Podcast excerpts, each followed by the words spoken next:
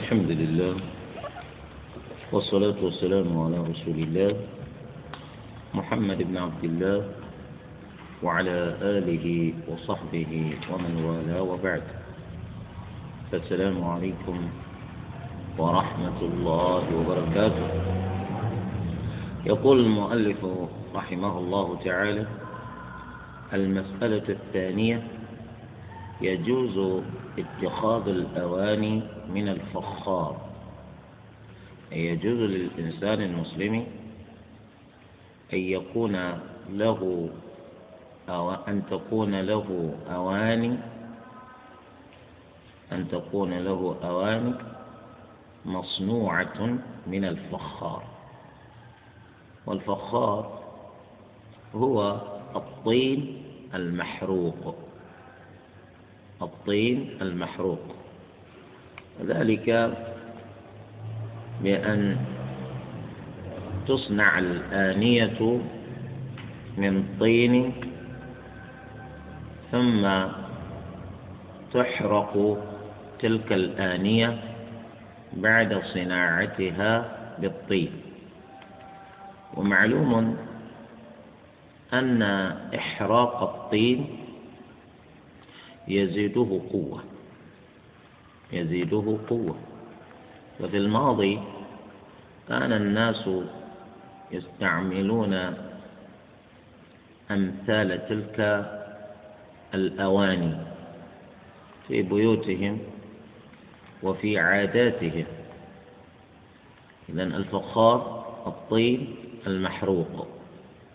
تصنع الآنية من الطين وبعد تمام صناعتها من الطين يقومون بإحراق ذلك الطين بغية زيادة ذلك الطين قوة.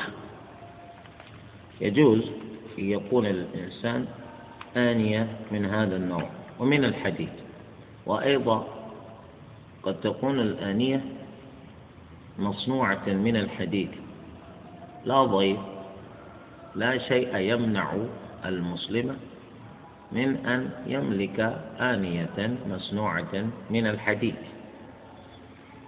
آه، فالآنية إذا كانت مصنوعة من الحديد لا تكون تلك الآنية كالخاتم. فالخاتم الحديدي محرم على المسلم لأنه خاتم الشيطان. بخلاف الآنية. الآنية إذا صنعت من حديد فإن صناعتها من الحديد لا يجعلها حراما على المسلم إن أراد أن يقتنيها. كذلك ومن الرصاص فالرصاص معدن من المعادن. معدن من المعادن. إذا كانت الآنية مصنوعة من الرصاص جاز للمسلم أن يقتنيها وأن يستعملها لأنه لا شيء يقضي بتحريم هذا النوع من الآنية في الشريعة الإسلامية. كذلك والصفر الآنية قد تكون مصنوعة من الصفر والصفر نحاس أصفر نحاس أصفر يقال له باللغة العربية صفر. فالنحاس بشكل عام يجوز للمسلم اتخاذه.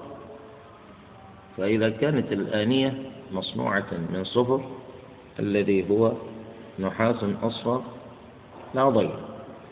ومن النحاس النحاس الخالص الذي ليس على لون أصفر يجوز للإنسان أيضا أن يتخذ آنية منه. ومن الخشب ومن العظام الطاهرة. إجماعا هذا بدون خلاف بين العلماء. أن الأواني إذا صنعت من هذه المواد المذكورة جاز للإنسان المسلم اتخاذها لأن الأصل في هذه الأشياء الإباحة ونبقى على إباحتها إذ لا وجود لما قضى بتحريم اتخاذ الآنية المصنوعة منها.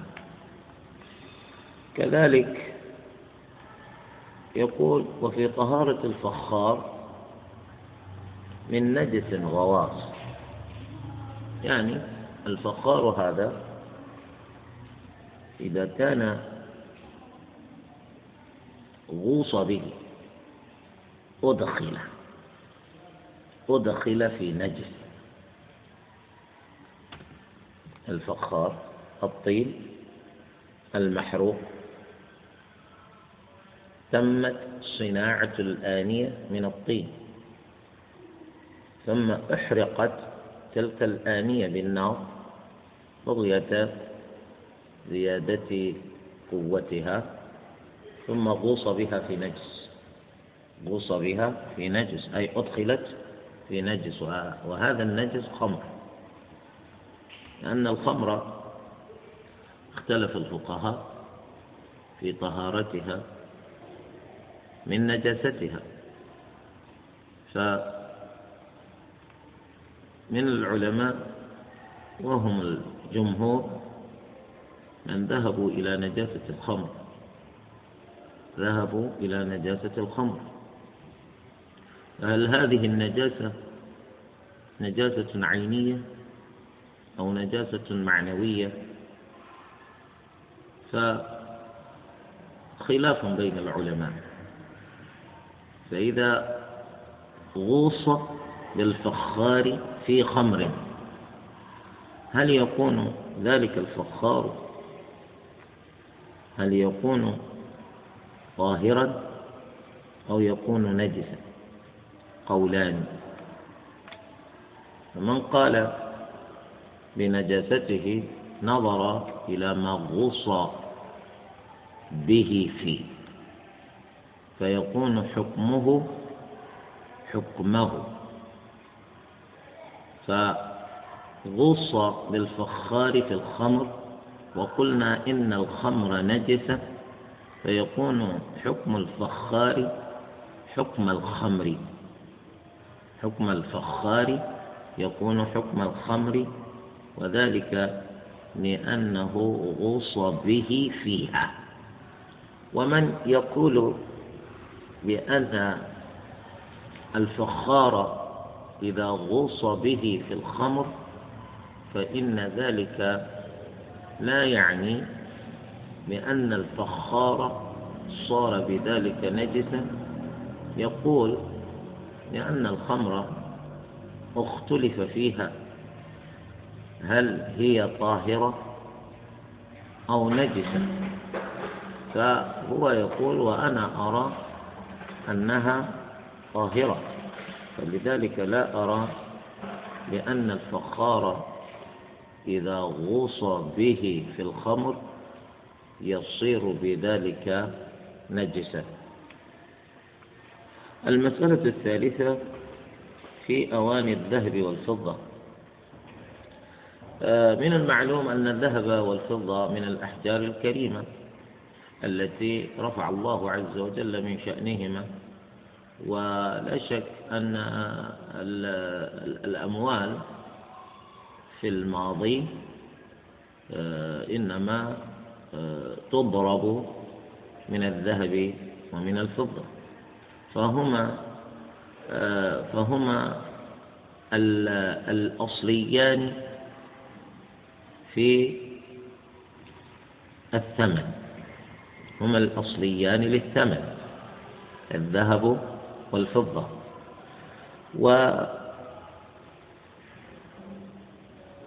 والذهب والفضة قد تصنع الأواني منهم. تصنع الأواني من الذهب ومن الفضة. لكن في الحقيقة آه الذي يلجأ إلى هذا ما يصنع الآنية من كل من الذهب والفضة إلا للأثرياء إلا للأغنياء لأن الإنسان الفقير أن له أن له السبيل لما يشتري به مثل هذه الآنية هو مسكين. أين سيجد المال الذي به يشتري آنية مصنوعة من ذهب أو فضة. هو من أساسه أو هي من أساسها لا تصنع إلا للأغنياء. الغني هو الذي يملك ما يشتري به إناء من ذهب وهو الذي يملك ما يشتري به إناء من فضة.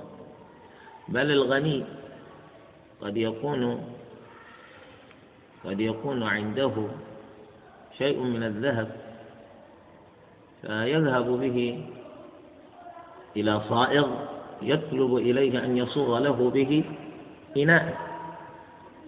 قد يكون له أيضا شيء من الفضة يذهب به إلى الصائغ يطلب إليه أن يصنع له به إناء من الفضة. يعني كل هذا سهل بالنسبة للغني إذا آه الذي يقوم بصناعة الإناء من ذهب أو فضة لا يصنع ذلك إلا للأثرياء. كذلك ربما ذهب الثري بما عنده من ذهب أو فضة إلى صائغ ليصوغ له بكل منهما إناء. هل يجوز للإنسان المسلم أن يستعمل أواني المصنوعة من كل من الذهب والفضة؟ يقول حرام. استعمال آنيتهما على المسلم على المسلمين رجالا ونساء. وذلك لأن النبي صلى الله عليه وسلم بين لنا تحريم ذلك في أحاديث في أحاديثه الصحيحة. لا تشربوا أو لا لا تشربوا في آنية الذهب والفضة ولا تأكلوا في صحافهما. فنهى النبي صلى الله عليه وآله وسلم عن الشرب فيها وعن الأكل فيها. كذلك يقول النبي صلى الله عليه وسلم الذي يأكل آه الذي يشرب في آنية الذهب والفضة إنما يجرجر في بطنه نارا. فيفهم من هذا التحريم. يفهم من هذا التحريم. والأول يعني صريح في النهي لا تأكلوا ولا تشربوا. فهذا النهي والنهي المطلق يقتضي التحريم. إذا كان هذا مفهوما يعلم من هذا أنه حرام على المسلم أن يستعمل آنية الذهب أو آنية الفضة. ويفهم من هذه الأحاديث أن استعمال هذه الآنية كبيرة من الكبائر لأن النبي صلى الله عليه وسلم يقول في أحد تلك الأحاديث الذي يشرب في آنية الذهب أو الفضة إنما يجرجر في بطنه نارا. هذا الفعل كبيرة من الكبائر. لا فرق في ذلك بين الرجال والنساء. لا فرق في تحريم استعمال آنية الذهب والفضة بين الرجال والنساء. واختلف في جواز اتخاذها من غير استعمال. هل يجوز للإنسان أن يتخذ أواني الذهب أو الفضة من غير استعمال؟ يعني تملك إناء مصنوعا من الذهب ولكنك لا تشرب به ولا تأكل فيه. هل يجوز هذا؟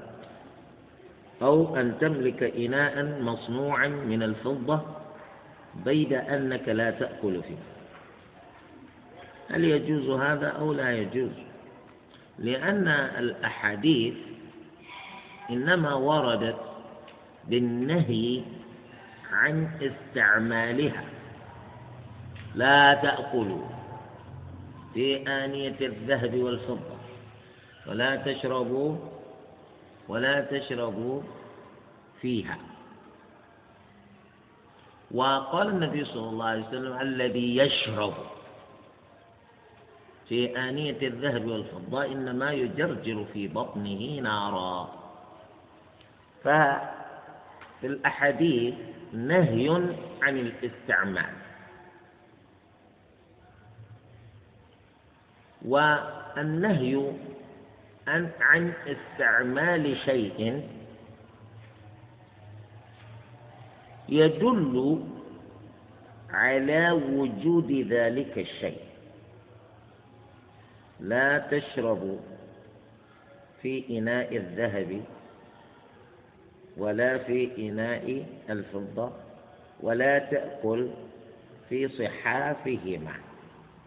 إذا إناء الذهب موجود إناء الفضة موجود. آه كذلك الصحاف المصنوعة من الذهب والفضة موجودة. إذا يعني كيف ينهى عن استعماله وهو لا يوجد.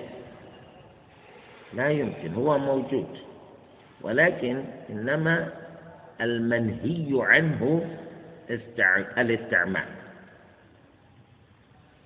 فإذا كان استعماله محرما هل اتخاذه اقتناؤه هل يجوز أو لا يجوز؟ فاختلف الفقهاء في ذلك. منهم من يقول لا يجوز اتخاذها لا يجوز اتخاذ آنية الفضة ولا آنية الذهب ولا صحافهما لا يجوز. ومنهم من يقول يجوز ومنهم من يقول يجوز. الذي نهى عن اتخاذ آنية الذهب والفضة يقول النبي صلى الله عليه وسلم نهى عن استعمالها والنهي عن الاستعمال نهي عن الاتخاذ. لا تستعمله معناه لا يجوز لك أن تمتلكه. أصل ذلك الخمر. أصل ذلك الخمر. فالخمر منهي عن شربها. فالنهي عن شربها نهي عن عن عن اتخاذها. فهمت؟ يعني إذا كان لا يجوز شرب الخمر فلا يجوز امتلاقها. لأنه يقال لك ماذا تفعل بالخمر؟ تقول لا, لا بس أنا أريد أن يكون موجودا أريد أن تكون موجودة في بيتي. كيف؟ وأنت مسلم. لكن آه، الفقهاء الذين قالوا بجواز اتخاذ آنية الذهب والفضة قالوا إنما دليلنا هذه الأحاديث لأن النبي صلى الله عليه وسلم إنما نهى في هذه الأحاديث عن استعمال آنية الذهب والفضة. ولم ينهى عن اتخاذها. والنهي عن الاستعمال ليس نهيا عن الاتخاذ. النهي عن الاستعمال ليس نهيا عن الاتخاذ. أصله ماذا يقاس هذا عليه؟ هل تعرفون شيئا؟ المسلم ممنوع من استعماله ولكن يجوز له أن يقتنيه. مثل ماذا ثوب الحرير أصل ذلك ثوب الحرير. ففي الشريعة الإسلامية النهي ورد صريحا عن استعمال الحرير للرجال. عن استعمال الحرير للرجال. ولكن النهي عن استعماله ليس نهيا عن اتخاذه. النبي صلى الله عليه وسلم أهدى حريرا على عمر بن الخطاب رضي الله عنه. فعمر يقول يعني ألست قد نهيت عن استعمال هذا؟ نهيت رجال أمتك عن استعمال هذا. قال النبي صلى الله عليه وسلم أنت تهديه تهديه لمن تشاء من؟ ممن يجوز له استعماله. كذلك آه، علي بن أبي طالب رضي الله عنه كذلك أصله أيضا المعصفر المعصفر من الثياب. المعصر وهو الثوب المصبوغ بالعصفر. إذا صبغ القماش بالعصفر نوع من النبات فإن لونه يصير أحمر. النبي صلى الله عليه وسلم أهدى قماشا معصفرا لعلي بن أبي طالب رضي الله عنه. فارتدى. ذلك الثوب لبسه. فأتى به إلى النبي صلى الله عليه وسلم فلما رآه النبي صلى الله عليه وسلم تغير وجهه صوبه. فعلم كراهة النبي صلى الله عليه وسلم لذلك وهو الذي أهدى إليه ذلك. فيقول فعدت إلى البيت فقسمته بين نسائي. قسمته بين نسائي. ومعلوم أن علي بن أبي طالب رضي الله عنه ما تزوج إلا فاطمة بنت محمد صلى الله عليه وآله وسلم. في حياة النبي صلى الله عليه وسلم. ولم يتزوج بعدها أخرى إلا بعد وفاتها. ثم يقول أنا قسمت هذا القماش على نسائي من هن نساؤه؟ ويريد بذلك أمه وهي فاطمة. أم علي وعلى أم حمزة وهي أيضا فاطمة. أم حمزة. كذلك على فاطمة زوجه. بنت النبي صلى الله عليه وآله وسلم. وهذا دليل على أن الإنسان يجوز له أن يطلق على أمه وعلى أم إخوته وعلى زوجته نسائه الشاهد من هذا أن النهي عن الاستعمال لا يكون نهيا عن الاتخاذ دائما. أصله الحرير والمعصفر أصله الحرير والمعصر. طبعا لكل واحد من الطائفتين أجوبة على دليل الآخر. ليس هذا مجال تفصيل آه، الردود على أدلة كل طائفة من هذه الطوائف بيد أن المختار والعلم عند الله أنه يجوز اتخاذ آنية الذهب أو الفضة. يجوز اتخاذ آنية الذهب أو الفضة. وذلك لدلالة ظواهر الأحاديث الصحيحة على ذلك. ظواهر الأحاديث تدل على جواز اتخاذ آنية الذهب أو الفضة. لأن النهي عن استعمالها هو قدر زائد على اتخاذها. أنت أصلا لا تستطيع أن تستعملها إلا إذا ملكتها أو ملكها غيرك. فإذا كنت المالك لها أو إنما يملكها غيرك. فقد اتخذها واحد منكما. فظواهر الأحاديث تدل على جواز اتخاذها. لأن الحكم لا يعلق بالمعدوم الحكم إنما يعلق بالموجود. أي هذه الآنية التي تملكها أو يملكها غيرك وهي الآن بحوزتك.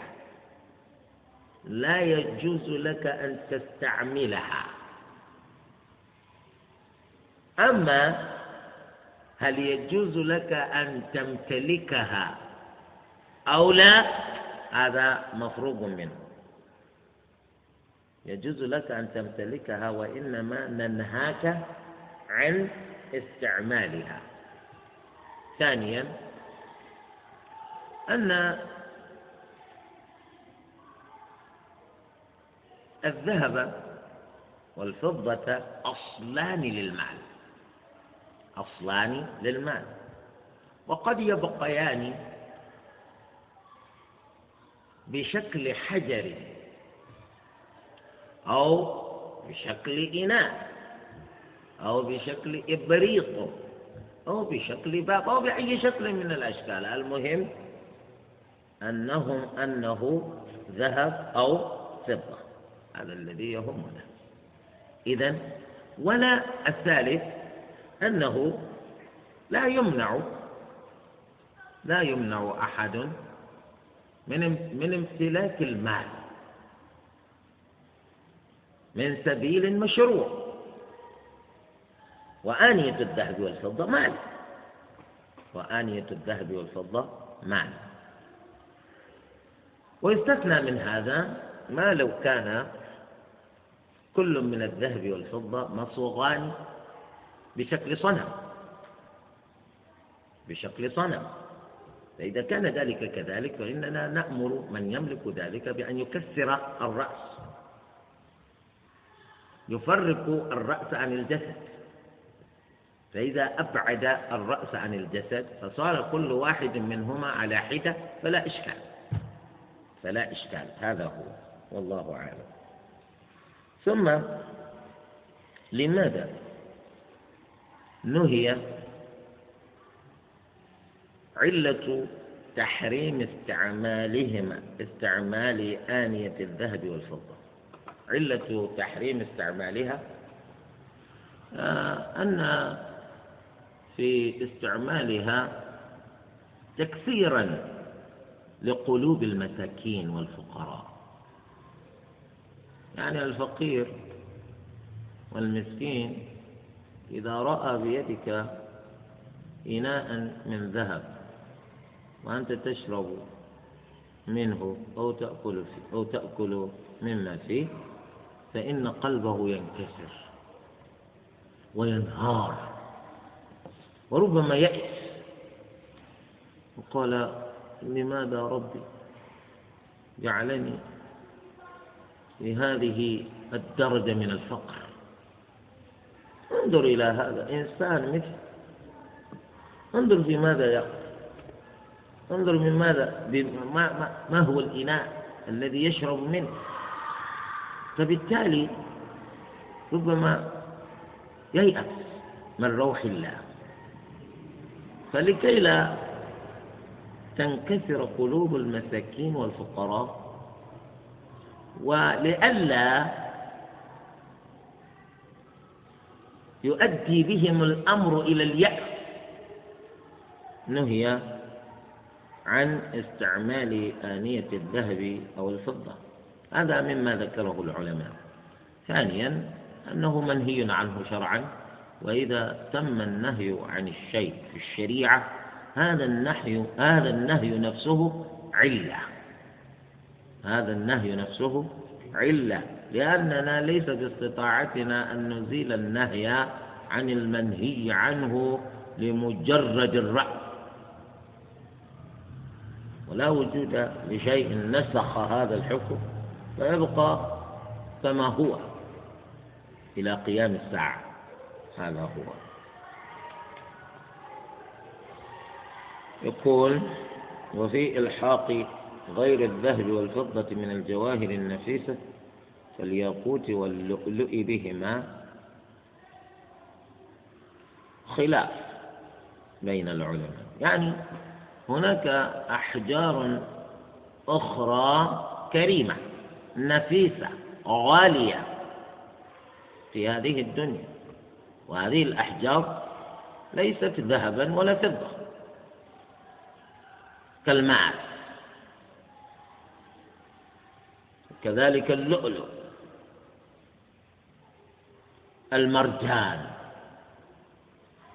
هذه الأحجار النفيسة الغالية هل نقول فيها كما نقول في آنية الذهب والفضة فيما إذا كانت الآنية صنعت من الماس أو من اللؤلؤ أو من المرجان أو من الياقوت. هل القول فيها كالقول في الذهب والفضة؟ ولا بين ذلك خلاف.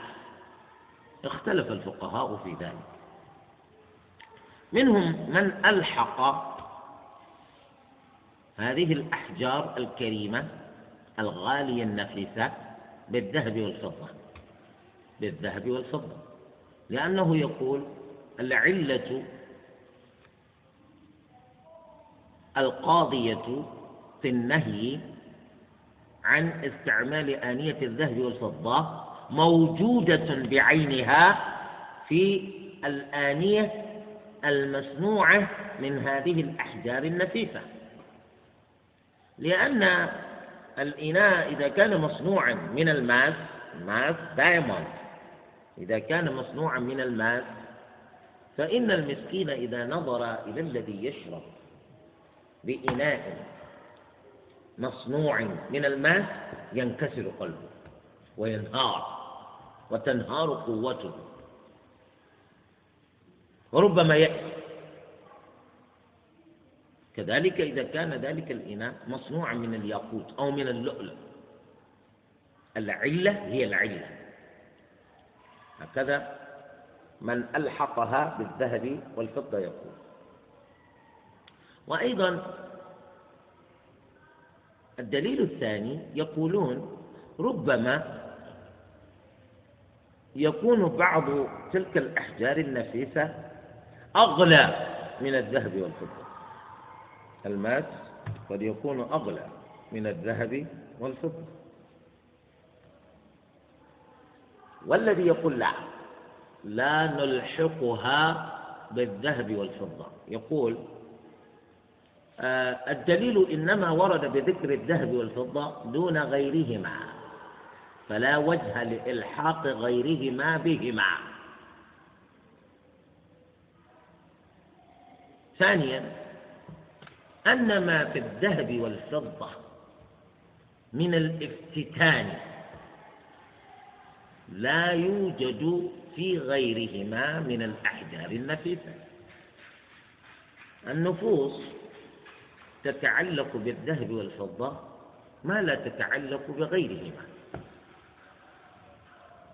فلأجل هذا على قول من يقول هي كالذهب والفضة لا يجوز لأحد أن يتخذ نو أن يستعمل الاتخاذ يجوز. لا يجوز لأحد أن يستعمل آنية مصنوعة من هذه الأحجار النفيسة. وعلى قول من يجيز يقول يجوز لأن الأصل الإباحة ولا وجود لشيء منع. ولا وجود لشيء منع. وأيضا العلة هنا العلة التي آه، ذكرت من أن آه، انكسار القلوب وانهيار القوة التي قد تترتب على استعمال هذه الآنية موجودة بعينها في هذه الأحزاب النفيسة. نقول هذا أمر نسبي أمر نسبي. ثم العلة هذه مستنبطة وليست منصوص عليه. قد تكون هذه العلة صحيحة وقد تكون خطأ. المهم ورود النهي علة. والنهي هذا إنما ورد في الذهب والفضة ولم يرد في غيرهما. فهمتم؟ وعلى ذلك نقول لا بأس.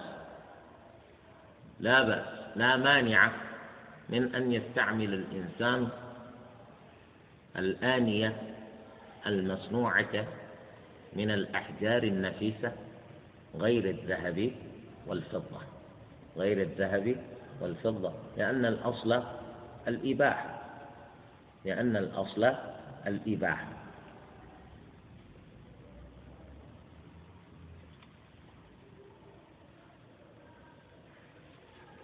وفي أواني الذهب والفضة. إذا غشيت برصاص وشبهه يعني هذه الآنية مصنوعة من الذهب أو الفضة. ولكنها مغشية بالرصاص. مغشية بالرصاص. أي مطلية. مطلية بالرصاص. يعني لوناه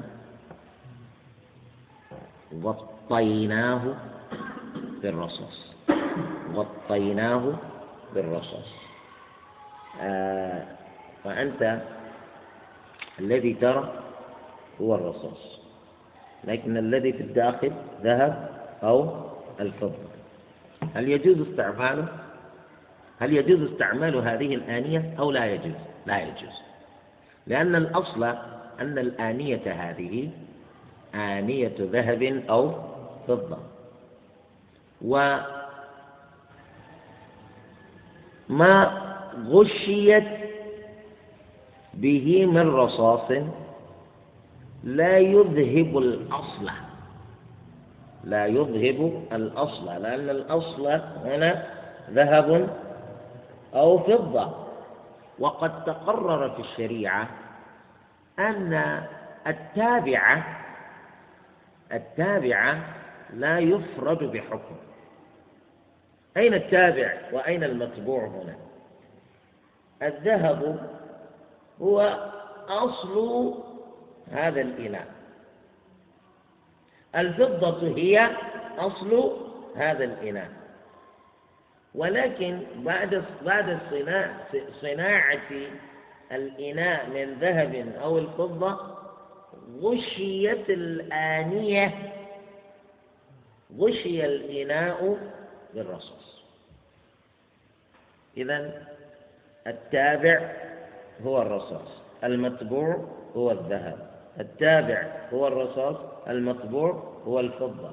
والحكم الشرعي يقول التابع وهو الرصاص هنا لا يفرد بحكم يخالف حكم الأصل. إذا التابع تابع. الحكم هنا أن الإناء وإن غشي برصاص ولكنه صنع من أساسه بذهب الأصل فيه أنه إناء من ذهب وهذا إناء من فضة. فإذا كان الإناء المصنوع من فضة محرم استعماله على المسلمين فهذا أيضا يكون استعماله حراما.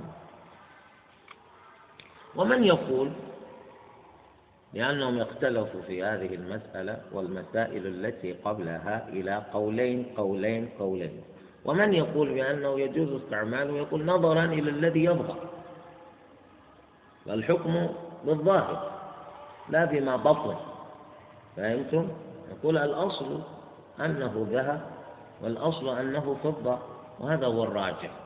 فنقول الأصل أنه حرام استعماله لأن الأصل أن هذا إنما صنع من ذهب والأصل في الثاني أنه إنما صنع من فضة. وما حكم استعمال إناء الذهب عندكم حرام. وما حكم استعمال الإناء الفضة عندكم؟ حرام. فلا يهمنا ما غشي به. لأن التابع تابع والتابع لا يفرد بحكم.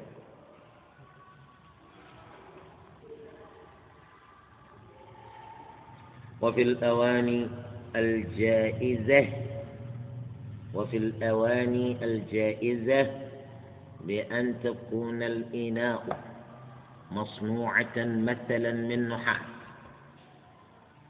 من نحاس. إناء النحاس يجوز استعماله. أو يكون مصنوعا من خشب أو من فخار. كل هذا يجوز للإنسان أن يستعمله. ولكن موهت بالذهب والفضة. التمويه هو إطلاق أي طلية طلية طلية طلية بأن يطلق بذهب أو فضة. ما حكم هذا؟ نقول إذا كان ما طلي به إذا كان ما طلي به ذهب خالص وليس لون الذهب. فهمتم؟ استعملوا الذهب في إطلاق هذا الإناء أو الفضة الخالصة في إطلاق هذا الإناء نقول لا يجوز استعماله لا يجوز استعماله وذلك لاشتماله على ما نهي عن استعماله ومعلوم في الشريعة أنه إذا اجتمع الحلال والحرام غلب الحرام. النحاس حلال الذهب حرام. اجتمع. الشريعة تقول قاعدة شرعية إذا اجتمع الحلال والحرام غلب الحرام. فنقول لا يجوز استعماله. لا يجوز استعماله. ومن يقول يجوز استعماله يقول الأصل أنه إناء من نحاس. إناء من نحاس. ألا ترون أنكم قلتم في إناء الذهب أو الفضة إذا غشي برصاص؟ أنتم تقولون الرصاص هذا لا يجعل استعمال هذا الإناء جائزا لأن التابع تابع. لماذا لا تقولون كذلك هنا؟ لماذا لا تقولون الذهب والفضة تابعان للنحاس؟ والنحاس يجوز استعماله وأنتم قلتم والأصل يبقى حكمه ثابتا والتابع هو الذي يتبع المتبوع في حكمه. لماذا لا يجوز كما قلتم هنا؟ قلنا لا يجوز يا جماعة لأن الرصاص ليس ذهبا. الرصاص ليس فضة النحاس يعني طلي موه بذهب أو فضة. واتفقنا معكم أن إناء الذهب والفضة حرام استعماله فاجتمع في هذا المثال الحلال والحرام. فنعود إلى قاعدة شرعية أخرى تقول إذا اجتمع الحلال والحرام غلب الحرام. إذا هذا هو. كذلك هو يقول وفي أو أو ضبب بهم أو ضبب بهم. التضبيب هنا هو في اللغة العربية الضبة الضبة بالتاء. تأتي بمعنى آه، قطعة المعدن قطعة معدن. كالأسوار. كالأسوار ونحوه يجمع بها يجمع بها ما يخشى ما يخشى تفرقه من الأبواب والآنية ونحوه.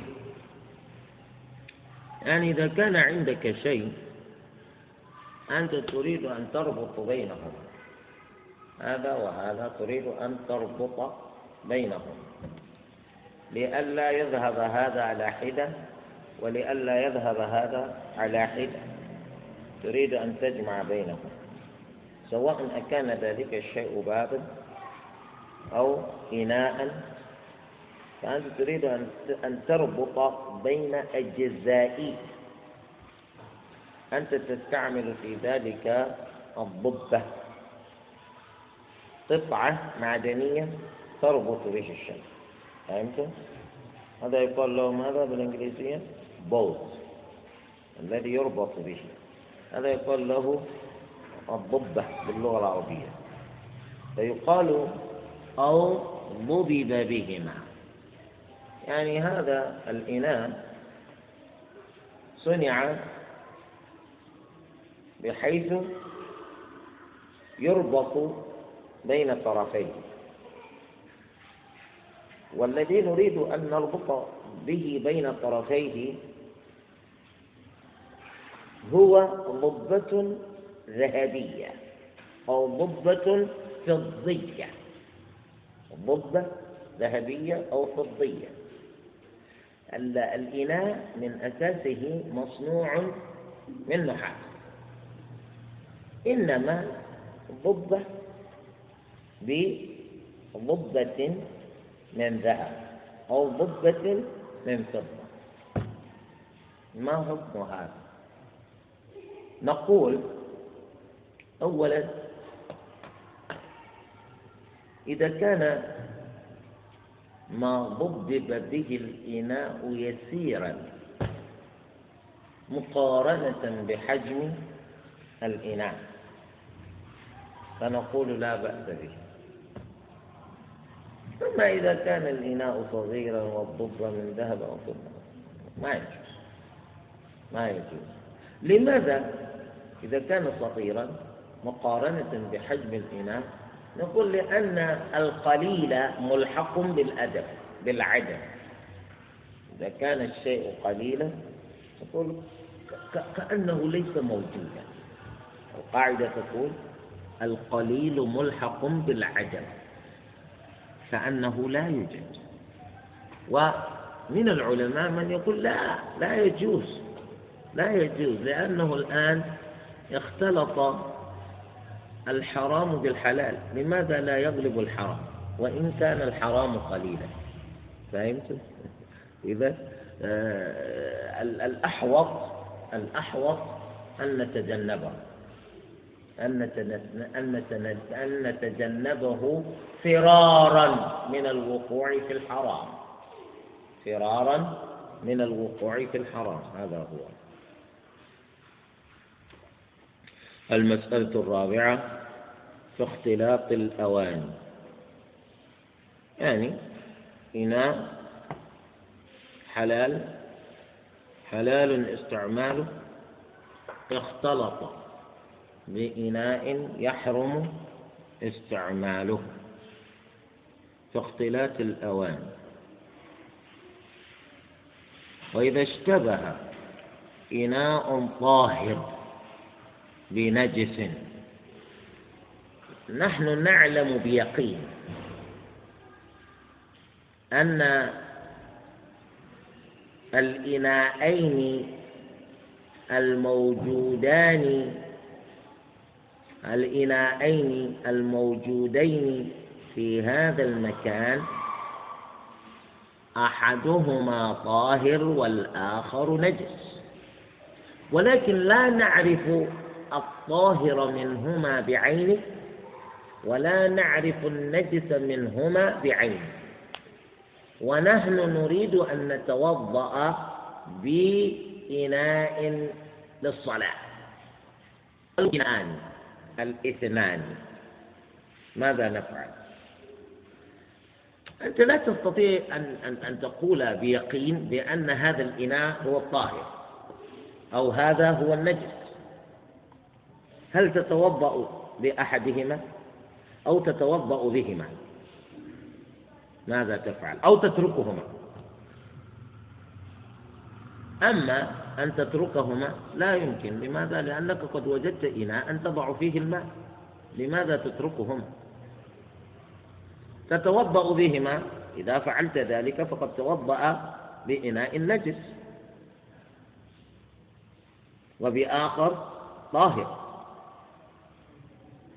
وأن نتوضأ بأحدهما دون الآخر فهذا تحكم لأنك لم تجد لم لم لم لم توجد عندك ميزة بها تستطيع أن تميز بين الطاهر والنجس. ماذا تفعل؟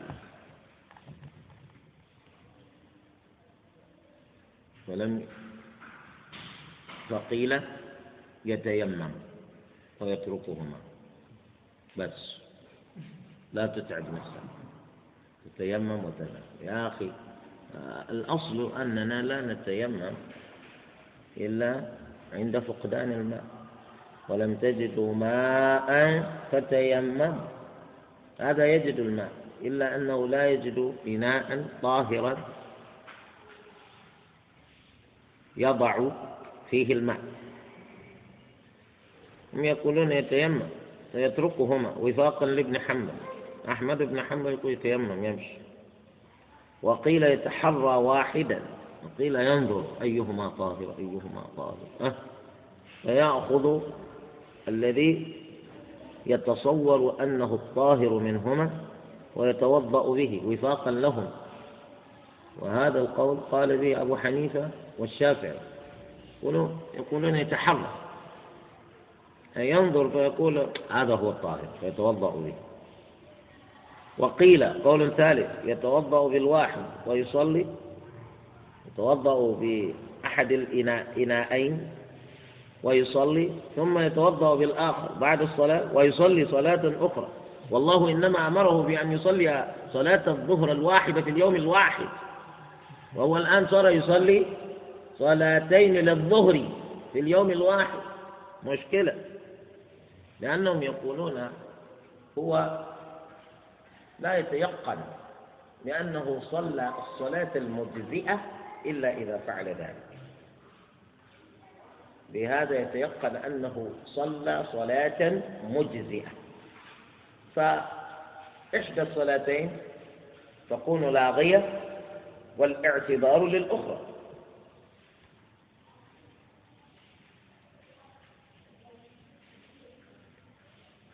وزاد محمد بن ابن مسلمة من المالكية يقول ويغسل أعضاءه بالثاني قبل أن يتوضأ به. هذا مشكل الصواب إن شاء الله أنه إذا لم يجد إناء آخر والماء موجود لا يتيمم. لأن العلة التي من أجلها شرع التيمم مفقودة هنا فلا يتيمم ثانيا لا يمكنه أن يتحرى أن يتحرى أحد الإناءين ليتوضأ به لأن الشك لا يزال يراوده لأنه ربما إنما توضأ بالإناء النجس. فنقول طريق الخلاص في هذا هو القول الذي يقول بأنه يتوضأ بأحدهما ويصلي ثم يأتي يتوضأ بالآخر ويصلي. هذا هو الأسلم والأصوب والأصح إن شاء الله. لأنه بهذا يصلي صلاة هو على يقين بأنه صلى. فلا يبقى معه الشك. إن كان إنما توضأ بالإناء النجس فصلى فهذه الصلاة تكون لاغية ثم إذا توضأ بالإناء الآخر يكون هذه الصلاة معتبرة. فبهذا يزول كل نوع من أنواع الشك الذي يمكن أن يراوده في هذه المسألة. نكتفي بهذا القدر لهذا اليوم. أسأل الله عز وجل أن يعلمنا ما جهلنا وأن يبارك لنا فيما علمنا وأن يزيدنا علما. سبحانك اللهم وبحمدك أشهد أن لا إله إلا أنت أستغفرك وأتوب إليك. Yeah.